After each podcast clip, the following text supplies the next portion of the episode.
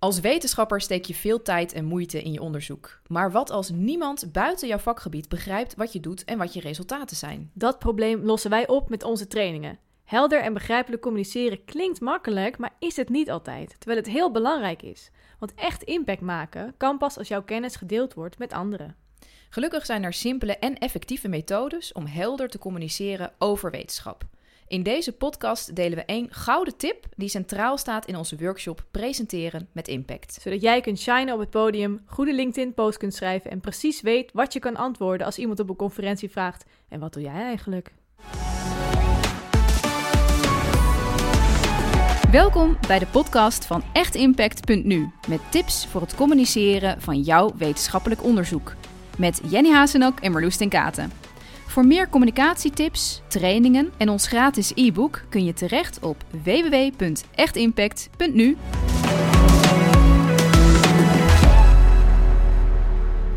Laten we onszelf even voorstellen. Ik ben Marloes ten Katen, ik ben biologe. Ik heb gewerkt bij diverse radio- en televisieprogramma's over wetenschap. En ik ben nu presentatiecoach voor wetenschappers. Mijn naam is Jenny Haasnak, ik ben chemicus van oorsprong en ik ben wetenschapscommunicator en theaterdocent.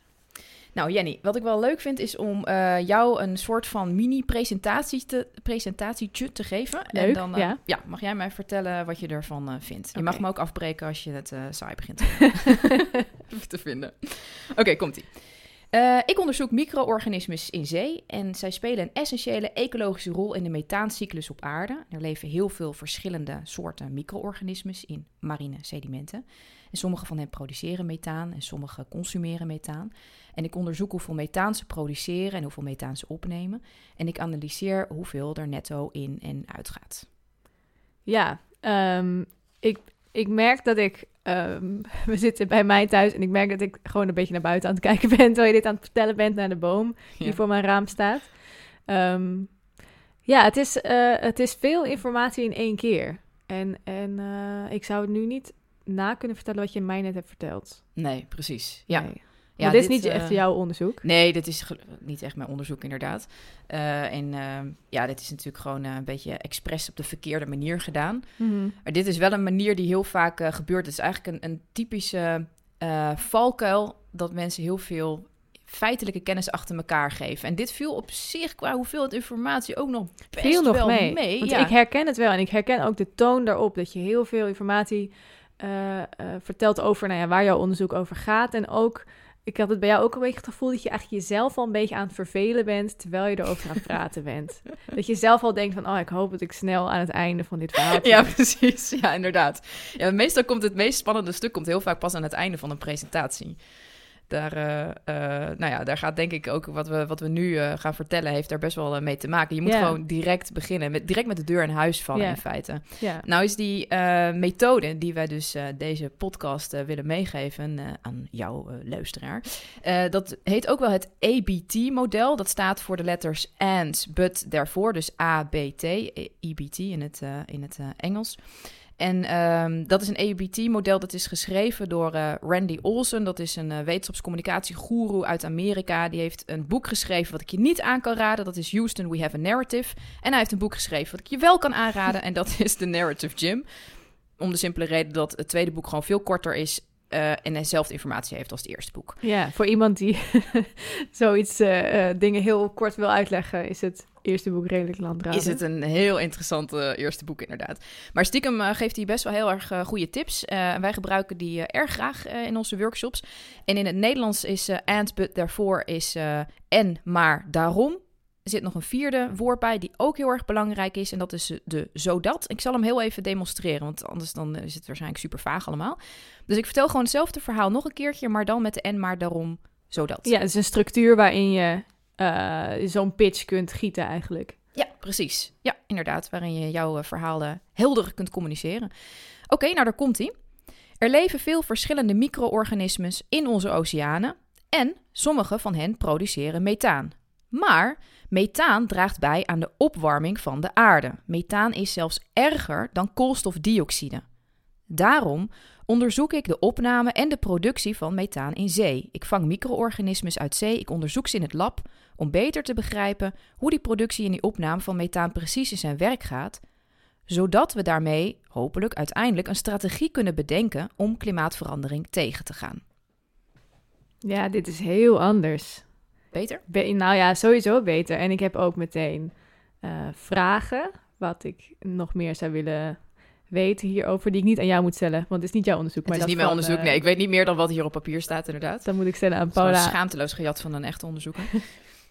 Ehm, ik heb een heleboel eh, vragen en ook meer een beeld. Ik heb een plaatje in mijn hoofd van wat je aan het doen bent. En ik kan het ook hangen aan, aan dingen die ik ken.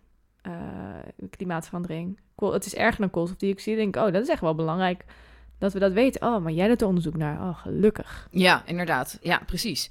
Ehm, nou, misschien kunnen we even heel kort die stappen bij langs gaan. Want eh, ja, het zijn dus vier eh, stappen met vier keywords. Dus het eerste is het woord en. Ja. Het tweede is maar, daarom, zodat. Eh, ja, wat, waarom zouden we beginnen met we weten dit en we weten dit? Ja, het, eigenlijk die hele, het hele EBT-model gaat om dat wij begrijpen welk probleem je eigenlijk aan het oplossen bent en waarom dat zo belangrijk is. Ja. Eh, maar voordat wij kunnen begrijpen wat het probleem is, moeten we een paar feiten weten.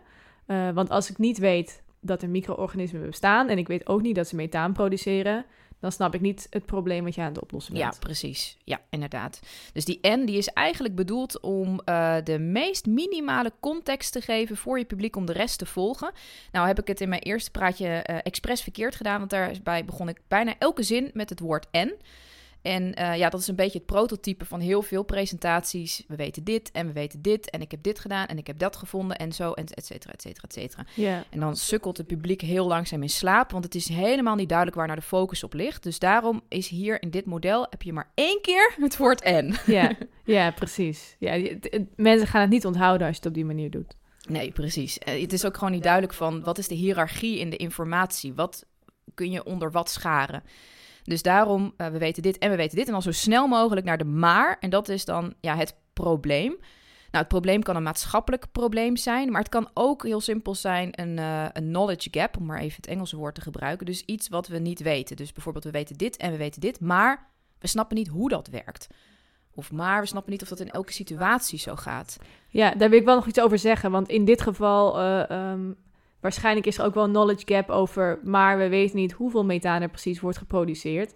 Eh, dat kun je ook zeggen, maar dan heb ik als redelijk buitenstaander minder een beeld van wat je aan het doen bent. Ja. Het, is, het is het beste als je het zo dicht mogelijk tegen een echt probleem waarvan een leek snapt, of in ieder geval het publiek snapt, dat dat een probleem is. Ja, exact. Ja, dus dit is inderdaad een heel goed punt. Want je kiest dus ook het probleem wat relevant is voor jouw presentatie, voor je publiek op dat moment. Ik heb het hier trouwens over presentatie, maar het zou natuurlijk ook net zo goed een geschreven vorm kunnen zijn. Ehm, eh, dus bijvoorbeeld als je nou ja, op LinkedIn een artikel schrijft Ja, of iets in die geest, dan kan je dat eh, net zo goed gebruiken. Maar inderdaad, goed punt. En daarna komt eh, ja, de daarom. Wat is dan de daarom? Ja, de daarom is dus, we hebben net door te zeggen maar, maar methaan draagt bij aan de opwarming van de aarde. Dan wordt het publiek een beetje zenuwachtig van, oh nee, er is een probleem. En dan daarom, gelukkig, doe ik onderzoek naar de oplossing. Ja, dus je introduceert een probleem en, en ehm, onmiddellijk los je het eigenlijk op. Of geef je de belofte dat jij dat gaat oplossen. Exact, ja. Jouw eh, onderzoek als de heilige graal die gelukkig neerdaalt uit de hemel en ons komt verlossen van het eh, probleem. Eh, en het kan jouw onderzoek in, in grote zin zijn, maar het kan ook een specifieke onderzoeksmethode zijn. Ligt ook weer aan wie is je publiek. Voor een leken moet je meer uitzoomen. Voor een publiek wat dichter bij je onderzoek staat, kun je meer ingezoomd zijn en kan je ook meer technische details kwijt. Ehm, en dan de allerlaatste stap. Ik denk dat ik die. Nou, ik denk dat ik de maars misschien het belangrijkste. Want die maakt het helder waar de focus op ligt. Maar Ja. ik denk dat ik daarna die allerlaatste stap het belangrijkste vind. Omdat ik het idee heb dat die echt zo vaak vergeten wordt. Ja, ja, zeker. Zodat, in dit geval zodat we een strategie kunnen bedenken om het klimaatverandering tegen te gaan. En de zodat, die zegt heel erg, waarom boeit dit het publiek? Ja, exact. Waarom moet het ons boeien? En eh 9 van de 10 keer merk ik dat mensen, eh, als ze die en maar daarom. Nou ja, bijna als een soort van invulformuliertje zeg maar invullen. Dat hij dan heel vaak daar blijft steken. Zo van, Ja. ja, want dan, dan, ja, dan hebben we mijn oplossing. En dan, nou, dan, dan is het gewoon goed. Eh, terwijl het publiek dat nog niet helemaal zo voelt. Zo'n publiek kan nog steeds inderdaad denken van... ja, eh, oké, nou boeien, ja, ga, ga lekker verder met je onderzoek. Eh, Ja. Ga dat vooral lekker doen. Haal ik ondertussen een kopje koffie en eh, nou, ik hoor het wel... als je over een jaar verder bent of niet. Ja, ja want precies dat, er zijn heel veel problemen. eh, die opgelost worden. Ja. Maar ik hoef niet over elk probleem na te denken. Ja, precies. Maar als ik weet, oh, daar, zodat we een strategie hebben om klimaatverandering tegen te gaan, dan boeit het me ineens wel. En ik heb een, eh, ik hoorde een leuk eh, verhaaltje. Ik heb deze niet, eh, deze heb ik niet zelf verzonnen. I wish, want ik vind het echt een heel goed verhaal. Ehm, dus ik ga hem even met je delen, want ik vind dat hij zo dat daarmee heel leuk ehm, belicht wordt. Ehm, Oké, dus stel je voor dat jij, nou, je loopt door een stad en nou, het is lekker zonnig en zo. Je loopt gewoon lekker een beetje daar rond te banjeren, de boel een beetje te verkennen. En je komt ineens een heel groot open terrein tegen en daar wordt iets gebouwd. En er zijn allemaal mensen bezig. Er zijn hijskranen bezig, er zijn vrachtwagens af en aan aan het rijden. Er gebeurt echt van alles. Maar je hebt geen idee wat daar nou gebouwd wordt. Maar het is midden in de stad, huge. Dus jij denkt, nou, wat, wat zou dit nou precies zijn? Dus je loopt naar iemand toe en je vraagt aan zo'n eh, bouwvakker van... eh, Goh, mag ik je wat vragen? Wat, eh, wat doen jullie? En dan zegt die bouwvakker, ja, ik leg hier bakstenen neer. Dan denk je, oké, eh, nou, eh, prima. Dus je loopt verder, je gaat naar eh, een tweede bouwvakker... je vraagt opnieuw, goh, mag ik wat vragen? Wat doen jullie? Zegt die tweede bouwvakker, nou, ik ben hier een muur aan het bouwen. Dan denk je, oké, ja, dan is nog steeds niet helemaal duidelijk wat hier nou precies gebeurt. Dus je loopt toch maar even verder. Nou, nog een derde keer dan. Nog, een derde keer ga je naar een derde bouwvakker en je vraagt je opnieuw, wat doen jullie hier? En die derde bouwvakker die zegt, nou, wij bouwen hier een kathedraal. Nou, wat de beetje het thema is, eh, de metafoor van dit verhaal, is dat eh, we heel vaak de neiging hebben om te vertellen over die bakstenen die we aan het neerleggen zijn. Want dat is wat we elke dag doen. Dat is het doen van onderzoek. Eh, het vertellen dat we daarmee een muur gaan bouwen, wat je uiteindelijk dan over die vier jaar bereikt hoopt te hebben, dat wil ook nog wel een keer. Maar die kathedraal, die communiceren we heel vaak niet, terwijl Ja. het publiek dat wel nodig heeft om te snappen waarom die muur en waarom dus die baksteen zo Ja. interessant is. En wat ik ook wel merk is dat veel mensen het echt spannend vinden om over de kathedraal te beginnen. Omdat ze, nou ja, niemand wil claimen dat hij in zijn eentje een kathedraal aan het bouwen is. Ehm, Ja. En dat hoef je ook helemaal niet te zeggen, dat je dat in je eentje aan het doen bent. Maar het is wel belangrijk dat wij snappen, uiteindelijk draag je bij aan die kathedraal. Exact, precies. Ja, ja, inderdaad. Die schroom die is er. eh, Ja, er is best wel veel. ehm, het is ook wel een hele mooie eigenschap eigenlijk. Er is best wel heel veel bescheidenheid of zo. Van, Ja, ja en, en onderzoek is natuurlijk ook altijd een team effort. Zeg maar, zelfs op hele kleine schaal doe je het nooit echt in je eentje. Ehm, maar het is wel belangrijk dat wij snappen eh, waar ben je eigenlijk aan het werk. Uh, waar, hoe, waarom kom je 's ochtends je bed uit eigenlijk? Precies. Ja. In welk groter puzzelstuk ben jij eh, één puzzelstukje aan het bijleggen? We moeten eerst die hele grote puzzel snappen. Voordat we überhaupt geïnteresseerd kunnen zijn in dat ene kleine puzzelstukje wat jij neerlegt. Want dan pas begrijpen we het grotere geheel. Echt, ja, gewoon letterlijk. Ehm, ik heb wel een, ehm, een, een stukje, eh, ja, dat is dan ook weer een, eh, een ABT, als ik hem eens even in het Engels zeg. Een en maar daarom. En dan laat ik even die laatste stap, eh, laat ik even weg. Dus even kijken hoe dat dan voelt. Ja, hoe dat klinkt. Ja. Ja. hoe dat klinkt. Zo, zonder de kathedraal, zonder de zodat. Eh scheikundigen kijken naar molecuulinteracties en maken nieuwe stoffen in het laboratorium. En biologen die kunnen die stoffen gebruiken om bepaalde celprocessen te onderzoeken. Nou, dus dit was de N. Maar scheikundigen en biologen spreken een andere taal. Ze gebruiken andere woorden en daardoor begrijpen ze elkaar niet altijd. Biologen kunnen daardoor niet makkelijk de stoffen vinden die ze nodig hebben. Daarom heb ik een online platform gemaakt die deze vertaalslag maakt. ja, als je dit aan mij vertelt, denk ik, nou, wat goed, leuk voor je. Ja, ga ermee door. Ja, wil je nog koffie? Dat is Ja. wat ik nu denk. Ik, Ja. hoop dat, ik hoop dat het lukt. Ehm, ja, precies. Ik hoop dat het lukt. Nou, en ondertussen ga ik wat anders doen. Ja, maar als ik eh, straks mijn moeder ga bellen, ga ik haar niet vertellen van, nou, wat ik net heb gehoord. Ja. Nee. Nee, precies. Het is, wel, het, eh, het is op zich wel, wel duidelijk en zo. Is ook wel een klein beetje urgentie Ja, in, ik maar snap wel waarom je, ik snap wel waarom je het aan het doen bent. Ja. Ja, precies. Ik begrijp wel wat, wat het probleem is waar ik aan werk. ja, ja. Nou, dan kan ik nog een, eh, een zodat maken. Dus ik zou hem bijvoorbeeld als volgt kunnen afsluiten. Zodat biologen direct vinden wat ze nodig hebben voor hun onderzoek en daardoor ook sneller en beter ziektes kunnen onderzoeken. De kans op het vinden van medicijnen die anders misschien wel nooit gevonden waren, is daardoor een stuk groter. Ja, ja, en dat maakt echt verschil. Want nu snap ik waarom het relevant is in mijn leven. Ja, Ja, ja en dat is dus ook wel belangrijk om te onthouden dat eh, die zo dat is om de mensen te laten beseffen: oh, dit is eh, relevant voor mijn eigen bestaan. Ja, exact. Exact, precies. En ehm, eh, ik merk soms wel eens dat ehm, mensen vinden het soms dat die kathedraal dan te ver afstaat van hun onderzoek. Of het kan zelfs wel eens gebeuren dat, nou ja, als we dan met z'n tweeën een workshop geven aan een groep onderzoekers die in dezelfde niche werken, als je maar ver genoeg uitzoomt, kom je uiteindelijk op dezelfde kathedraal terecht. ja, zijn ze één allemaal bezig aan. aan dezelfde kathedraal Ja. te bouwen. Bijvoorbeeld klimaatverandering Ja. tegengaan. Dus ook zo'n typische eh, kathedraal die je binnen verschillend onderzoek kan, kan hebben. Of ja, ziektes tegengaan is ook zo'n typische kathedraal. Ja. Ehm, en eh, dat kan soms, ik heb soms wel eens het idee van het kan een beetje pijn doen of zo. Omdat je dan het gevoel van, oh, ik ben iets aan het communiceren wat net niet helemaal is wat ik elke dag aan het doen ben. Waar ik eigenlijk het liefst over wil communiceren.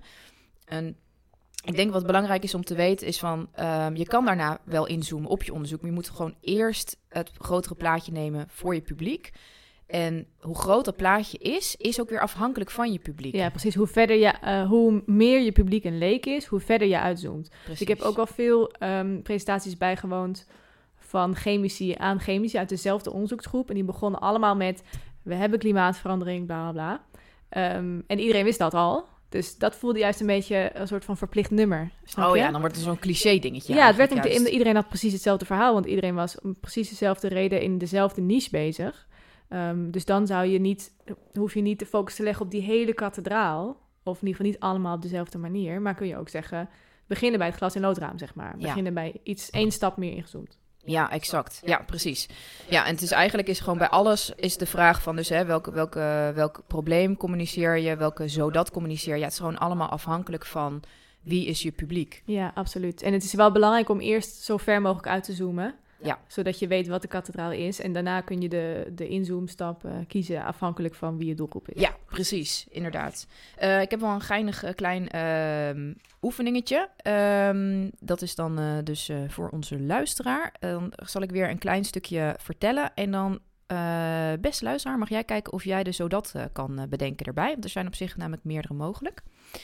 Oké, okay, komt-ie. Uh, mensen gebruiken leer om schoenen te maken, tassen, jassen, portemonnees, noem maar op. En leer komt van dieren. Maar dan moet er dus ook eerst een dier voor worden gefokt en daarna doodgemaakt. En dat is een heel proces dat dus daarvoor nodig is. Daarom kijk ik of wij niet in plaats van, uh, van een dier, dat we leer kunnen maken uit een schimmel. Een soort schimmelleer. Want dat gaat een stuk sneller en kost heel veel minder energie. Ja, en dus de vraag aan de luisteraar is: uh, wat is de zodat die bij dit verhaal hoort? Ja, precies. Wat is de zodat? En laten we hem lekker even groot pakken voor een leken publiek. Dus laten we echt even die bold kathedraal pakken. En het voelt nu ook, ik voel nu ook dat het heel onaf voelt dat we dit niet hebben gezegd. Oh ja, precies. Ja, ja, ja. Wat goed is, we laten jullie even in spanning. Ja, we laten het even in spanning. Wil je, durf jij een, uh, een antwoord te formuleren, Jenny? Wil ik een antwoord formuleren? Oh, ja. um, zodat? Zodat, uh, uh, nou ja, het gaat dus om uh, dat je, het probleem is dat er dieren worden gefokt voor leer en die worden doodgemaakt. En dus dan hoef je dat niet te doen. Mm -hmm. Dus zodat er geen dierenleed meer is en ja. ook minder moeite. Omdat ja. een dier fokken kost gewoon heel veel energie van mensen en van, ja, het is ook zielig. Ja. Maar het is ook economisch onhandig natuurlijk. Ja, inderdaad. En, uh, en even kijken, dat kost minder energie. Dus uh, zeer waarschijnlijk kunnen we ook hier weer over die CO2-uitstoot uh, gaan beginnen. Dus je kunt dierenleed pakken als kathedraal. Je kan ook die CO2-uitstoot hier weer pakken. Um, volgens mij is het ook zo dat je voor het maken van leer heb je vrij veel chemicaliën nodig. Ja, voor dus het looien inderdaad. Voor ja. het looien, ja inderdaad, voor die stap.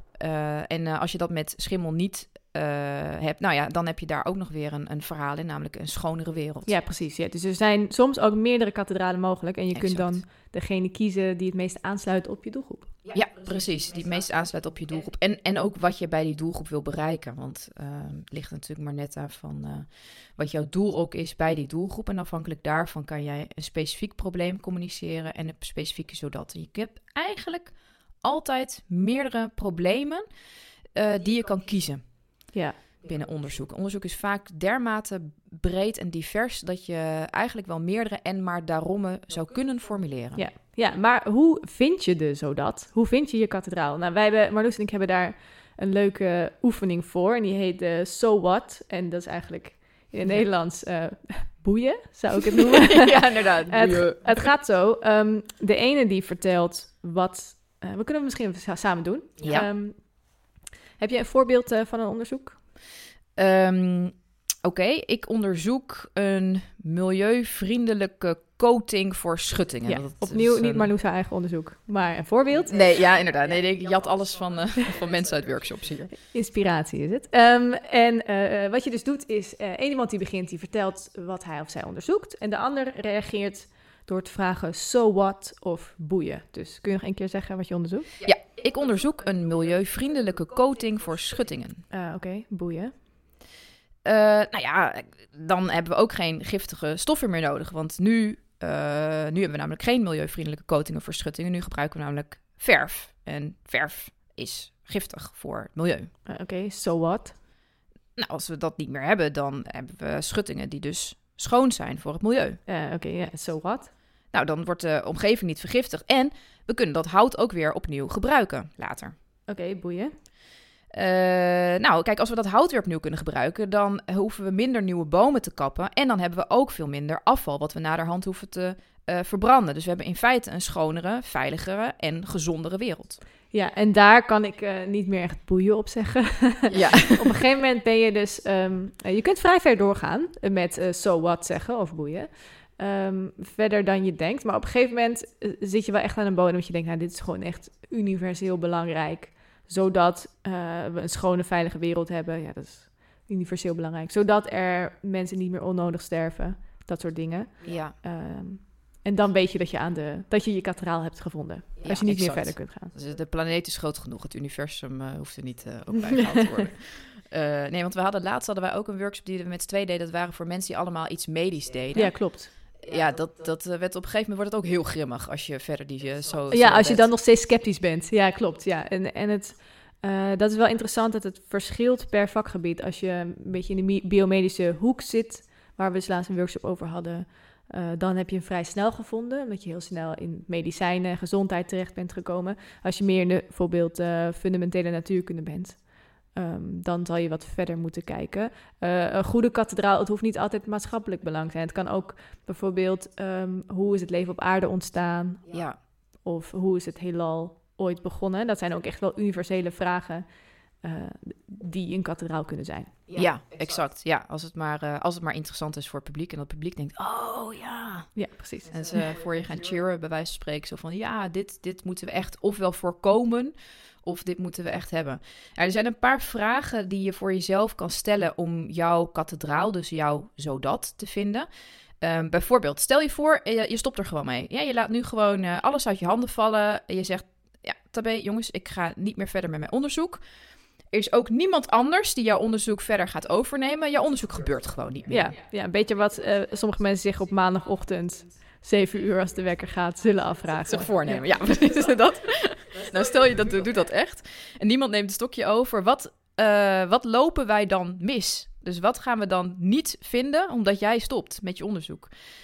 Um, een andere vraag is: uh, wat is de sociale impact van je werk? Dus je kunt ook kijken naar het maatschappelijke belang. En een andere manier om dezelfde vraag te beantwoorden is als je specifiek kijkt naar jouw publiek, wat maakt het dan relevant voor hen specifiek?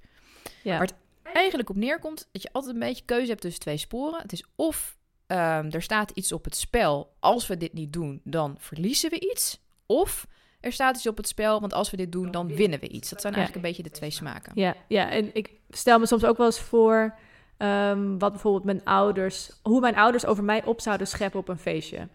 Uh, van ja, maar Jenny die onderzoekt wel uh, hoe het heelal is ontstaan. Ja, precies. Oh ja, dat vind ik ook een hele leuke denkoefening. Zo van, stel dat je ouders zouden opscheppen over jou op een feestje. wat ja. zouden ze dan zeggen? En echt helemaal niet bescheiden ook, hè? Gewoon die bescheidenheid laten varen.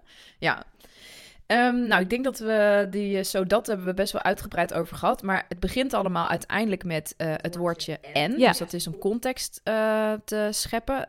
Um, wat zou jij meegeven aan onze luisteraars? Ja, ja dus om de end in de en, maar daarom zodat. de en die geeft je de context om het probleem te introduceren. Dus wat heb je nodig om het probleem te begrijpen? Um, daarbij is het wel belangrijk om te bedenken dat wat je publiek weet en dat is soms minder dan jij denkt. En wat ze nodig hebben om het, uh, om het te begrijpen. En dat is soms ook minder dan je denkt. Ja. Um, we gaven laatst een workshop aan een aantal onderzoekers. Uh, uh, en veel van hen deden onderzoek naar een medicijn tegen kanker, tegen borstkanker specifiek. En wat ik toen wel interessant vond, was dat ze eigenlijk allemaal hetzelfde verkeerd deden. Of ja, vergaten eigenlijk. En dat was um, uh, hun ABT uh, eh, klonk ongeveer als uh, veel mensen overlijden aan kanker. Um, maar immunotherapie werkt nog niet zo goed. Daarom doe ik onderzoek om dat beter te maken, zodat er minder mensen onnodig sterven. Ehm, en wat ik interessant vond, was dat ze de N vergeten waren. De N van immunotherapie is een veelbelovend medicijn. En dat was voor hen zo triviaal en voor mij niet. Ehm, dus daar kun je snel overheen stappen. Ja, precies. Daar kan je echt heel snel overheen stappen. Als ze dan alleen maar voor mensen spreken die dat allemaal... Voor, voor wie het allemaal gesneden koek is, is het prima. Maar er hoeft maar één van ons in de zaal te zitten... en wij zijn er gewoon van de kaart meteen. ja, Zo van, helemaal wij doen eigenlijk niet in de meer mee als je in het publiek... Ja, zo van, je volgt dan de rest ook gewoon een heel stuk minder goed. Ja, precies. Want die, in die tijd dat ik aan nadenk, immunotherapie, oh, dat zal dan wel een medicijn zijn. En oh, oké, ja. mhm. Terwijl ik dat aan het soort van eh, Bedenken. afleiden ben, heb ik het volgende gemist van wat je zei. Ja, ja. Ook al snap ik, ik kan het uit de context wel ophalen, eh, maar het kost me tijd en in die tijd ben ik niet naar je aan het luisteren. Ja, precies. En eh, eh, wat het fijne is van zo'n en maar daarom zodat eh, aan het begin van een presentatie is dat het direct context geeft voor alles wat je daarna vertelt. En als je zorgt dat die en maar daarom zodat staat als een huis en gewoon jargonvrij is, dat iedereen in je publiek het snapt, dan is het helemaal niet erg als ergens halverwege je presentatie mensen af en toe afhaken. Dat je dan iets te technisch wordt voor, eh, voor een deel van de groep. Ehm, want zij hebben namelijk een kapstokje van jou gekregen, waarmee ze altijd weer terug kunnen keren naar je verhaal. Ja, ja, zeker. Ja. Dat maakt het heel prettig. Ja, ik, had, eh, ik was vanochtend ehm, met mensen aan het praten over een verhaal over eh, kunstmest. En zij maken dan een, een, een, een, eh, een, een, milieuvriendelijkere variant daarop. En toen zaten we ook even te zoeken van, nou, hoe begin je nou precies daarover? En eh, wat ik ook altijd wel een leuke oefening vind, is om te kijken van, nou, hoe kan je nou aansluiten bij de beleving van jouw publiek? Ehm, dus, eh, dus ik, bijvoorbeeld nu zei ik tegen de jongens van, nou, zou je bijvoorbeeld kunnen beginnen met... eh, ja, jij, eh, eh, stel je doet je koelkast open en er ligt een komkommer in je koelkast. Nou, die komkommer ga jij eten. Maar wat heeft die komkommer eigenlijk gegeten? Heb je daar wel eens bij nagedacht? Waarschijnlijk heeft jouw komkommer, die is waarschijnlijk geteeld met kunstmest. Nou, en dan zo verder. Dus toch voelt het toch net een beetje meer van, oeh, ik doe mee in het verhaal. ja, oh. ja. ja, het is een beetje hetzelfde met dat immunotherapie. Weet je, als net even die slag geslagen Ja. wordt zo, dan word je er echt even meegenomen. Ja, ja, en fijn. ook als iets wordt uitgelegd aan jou, dan, dan voel je je juist ook meer serieus genomen. En want als Ja. er wordt gepraat over immunotherapie en ik weet niet, ik heb, weet niet wat dat is, ehm, dan denk ik, oh, dit verhaal zal wel niet voor mij zijn bedoeld. Ja, precies. Eh, ik zal het wel niet begrijpen. Ehm, laat ik mijn e-mail checken. Precies, laat maar. Dan eh, ga ik wel wat anders doen in mijn hoofd. Ja, ja dus het is ook eh, eh, een vorm van beleefdheid, vind ik, om dingen goed uit te leggen aan je publiek. Ja, ben ik helemaal met je eens. Ja, inderdaad, een vorm van beleefdheid en, en, en respect. Dus nou goed, de functie van, van de N helemaal aan het begin. Waarom maar één keer het woord N en niet heel, heel vaak? Eh, omdat mensen alleen heel even nodig hebben. de- ze hebben echt alleen even de context nodig om erin te komen. En dan, up, zo snel mogelijk naar die maar. Alleen dan, de maar, hoe vind je dan het probleem? Ja, hoe vind je het probleem? Want vaak heb je meerdere problemen die je kunt communiceren. Eh, vaak, eh, zeker als je meer aan de fundamentele kant bent, dan zijn er meerdere soorten toepassingen of, of dingen die je aan het oplossen bent. Ja, precies. Ik kan wel even een klein voorbeeldje geven. Ehm, dit is ook weer eh, eh, van iemand die ik afgelopen week sprak. Ehm, even kijken. Een wetenschapper die is bezig met het maken van een soort plastic. ehm, wat een, ja, een soort van kleeflaagje heeft. Dus een soort van klevend plastic. En eh, die, ja, een soort van, ja, een soort van plakband inderdaad. Alleen het was dan eh, specifiek voor bepaalde organische stoffen. Dus bijvoorbeeld bacteriën kan er, kunnen erop plakken en planten kunnen er ook op plakken. En daarnaast is die plastic niet gemaakt van eh, olie. Uiteindelijk, als je teruggaat naar de basis van plastics, dan is het helemaal olie. Maar deze was van biomassa, dus Mhm. planten, zeg maar. Ehm, maar dan is de vraag, ja, wat wil je dan als formule- voor, eh, probleem formuleren? Want hier kan je dus meerdere kanten mee op. Want je kan bijvoorbeeld zeggen, oké, stel je gaat dat plastic gebruiken om bacteriën vast te plakken. Dan kan je zeggen, het probleem is dat als we nu levende bacteriën onder een microscoop willen bekijken, dat dat niet lukt, want die zwemt weg. Dus we moeten een bacterie eerst doodmaken. Maar dan kun je dus geen levende bacterie goed bekijken. Nou, mijn plastic kan het wel, want je kan hem vangen en dan kan je hem toch nog bekijken terwijl hij niet wegzwemt en hij leeft nog. Ja, maar ik kan me ook wel voorstellen dat je zegt, eh, het is niet van olie gemaakt dit plastic, maar van biomassa. Dat je die insteek eh, gebruikt, omdat huidige plastics worden gemaakt van eh, olie. En dat zorgt voor CO2-uitstoot uiteindelijk. En bovendien, die Precies. grondstof raakt op. En eh, dus ik kijk of dat niet schoner kan en duurzamer. Ja, exact. En dan hebben we weer de, de klimaatkathedraal, zeg maar. Dus dan, en bij dus de ene zit je waarschijnlijk weer op de ziektes als je gaat richting bacteriën. Of, of, of je kunt dan ook een, waarschijnlijk kan je daar ook nog wel weer een andere kathedraal op verzinnen. Ja, en je kan ook nog kijken naar eh, voedselzekerheid. Eh, de wereldbevolking groeit. We hebben steeds meer eh groente en fruit nodig om te eten. Maar ja, we hebben maar een x-aantal hoeveelheid beschik- beschikbare grond. Maar ja, als jij plastic hebt met een laagje waar planten aan kunnen plakken, kan je een plantenkast maken waar je aan het plafond en aan de wanden ook planten kan laten groeien. Dus kortom, toen ik met deze eh, man zat, toen zaten we echt samen een beetje te zoeken van, want dit was ook best wel fundamenteel onderzoek. Ja, kan me Maar hij- voorstellen. Ja, heel, ehm, dus hij heeft daar nog helemaal niet per se bedacht van het moet per se die toepassing zijn. Hij, hij wil gewoon graag kijken van hoe kan ik dat kleeflaagje nou precies doen. En dan komt die toepassing komt later wel. Maar hij moet toch dat grotere plaatje communiceren, wil het voor leken interessant Ja, precies. zijn. Er is een verschil in of hij in zijn onderzoek al met de toepassing bezig is en of je dat gaat noemen in je presentatie.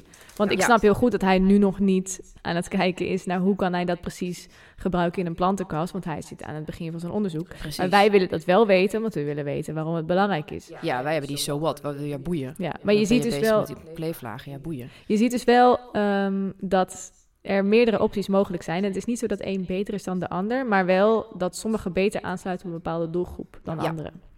Ja, precies. Ja, inderdaad. Ja. Ehm, ja, en ook hier is het weer van ja, welk probleem eh, sluit aan bij jouw publiek, welk probleem sluit aan bij je doel. En eh, ook hier weer hoe dichter bij je publiek, bij je onderzoek staat, hoe technischer en meer ingezoomd je kan werken. Dus als hij voor meerdere chemici staat, dan kan hij prima zeggen: Ik wil weten hoe een polyesterketen bepaalde primaire amines kan vangen en binden. Dat is namelijk eigenlijk ook zijn onderzoek. Nou, ik begrijp er dan helemaal niks meer van. Ik heb liever een kleeflaagje en plastic. maar waarschijnlijk als ik zo zin tegen jou zeg, dan zul jij nog wel ergens een, een lampje doen eh, rinkelen bij jou. Als eh, chemicus zijnde. Ehm, nou, dus eh, ja, dus het, het probleem ehm, eh, kan je dus op meerdere manieren benaderen. En kijk daarvoor ook gewoon weer voor wie ben ik eigenlijk aan het praten, wat wil ik vertellen en welk probleem past er dan het beste bij.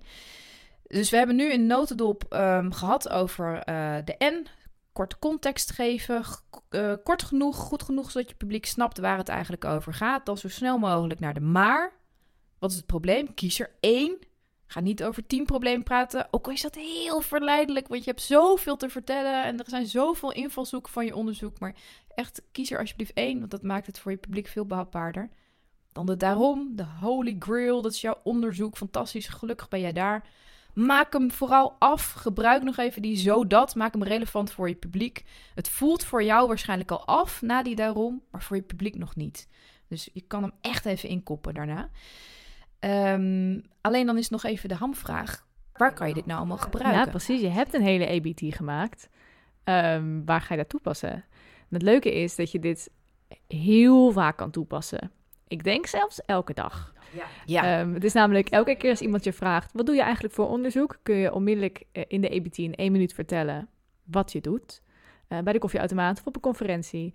Eh, je kunt bijvoorbeeld je presentaties ermee beginnen. Als je een presentatie geeft voor eh, een breed publiek of juist voor je eigen onderzoeksgroep. Ehm, dus dan hebben ze een kapstok om, om iets aan op te hangen. Je kunt je LinkedIn-bericht ermee doen, bijvoorbeeld.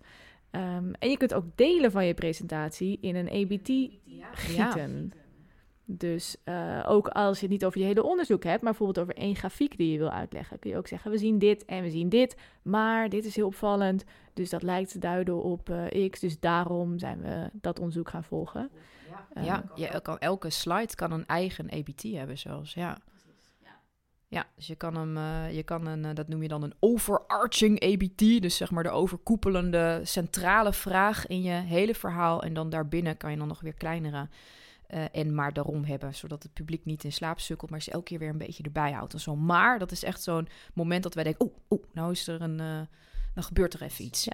bij Ja. ons. Dus al deze dingen kun je gebruiken om eh, eigenlijk in elke situatie de aandacht van je publiek vast te houden.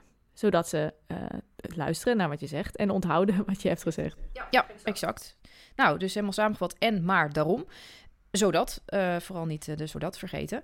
Uh, ik zou ook zeggen, luister ook vooral onze eerste aflevering even terug, mocht je dat nog niet hebben gedaan. Want dan daarin vertellen we hoe je dit kan inpassen in de intro van een presentatie. Want het is heel tof als je, voordat je begint met en maar daarom, dat je eerst nog even iets doet om echt even de aandacht te trekken van de mensen. En dan kan je vervolgens de en maar daarom heel erg goed gebruiken. En maar daarom zodat. En dan vertellen we nog even iets meer over hoe je dan vandaar heel soepel overgaat naar het middendeel. Nou, tot zover deze podcast. Wil je nou meer leren over hoe jij een fantastische spreker wordt? Kijk dan even op echtimpact.nu. Dus dat is niet met .nl aan het einde, maar .nu. Um, de tips uit deze podcast die komen uit de workshop Pitch je onderzoek. Daar kun je ook meer informatie over vinden op echtimpact.nu. En als je dan toch naar onze website gaat, download dan ook meteen even ons gratis e-book. Uh, Jenny en ik hebben gezien wat de meest voorkomende valkuilen zijn. Um, bij wetenschappelijke presentaties. We hebben gezien dat, um, ja, dat toch vaak dezelfde fouten gemaakt worden. Opvallend vaak dezelfde. En um, die hebben we gebundeld.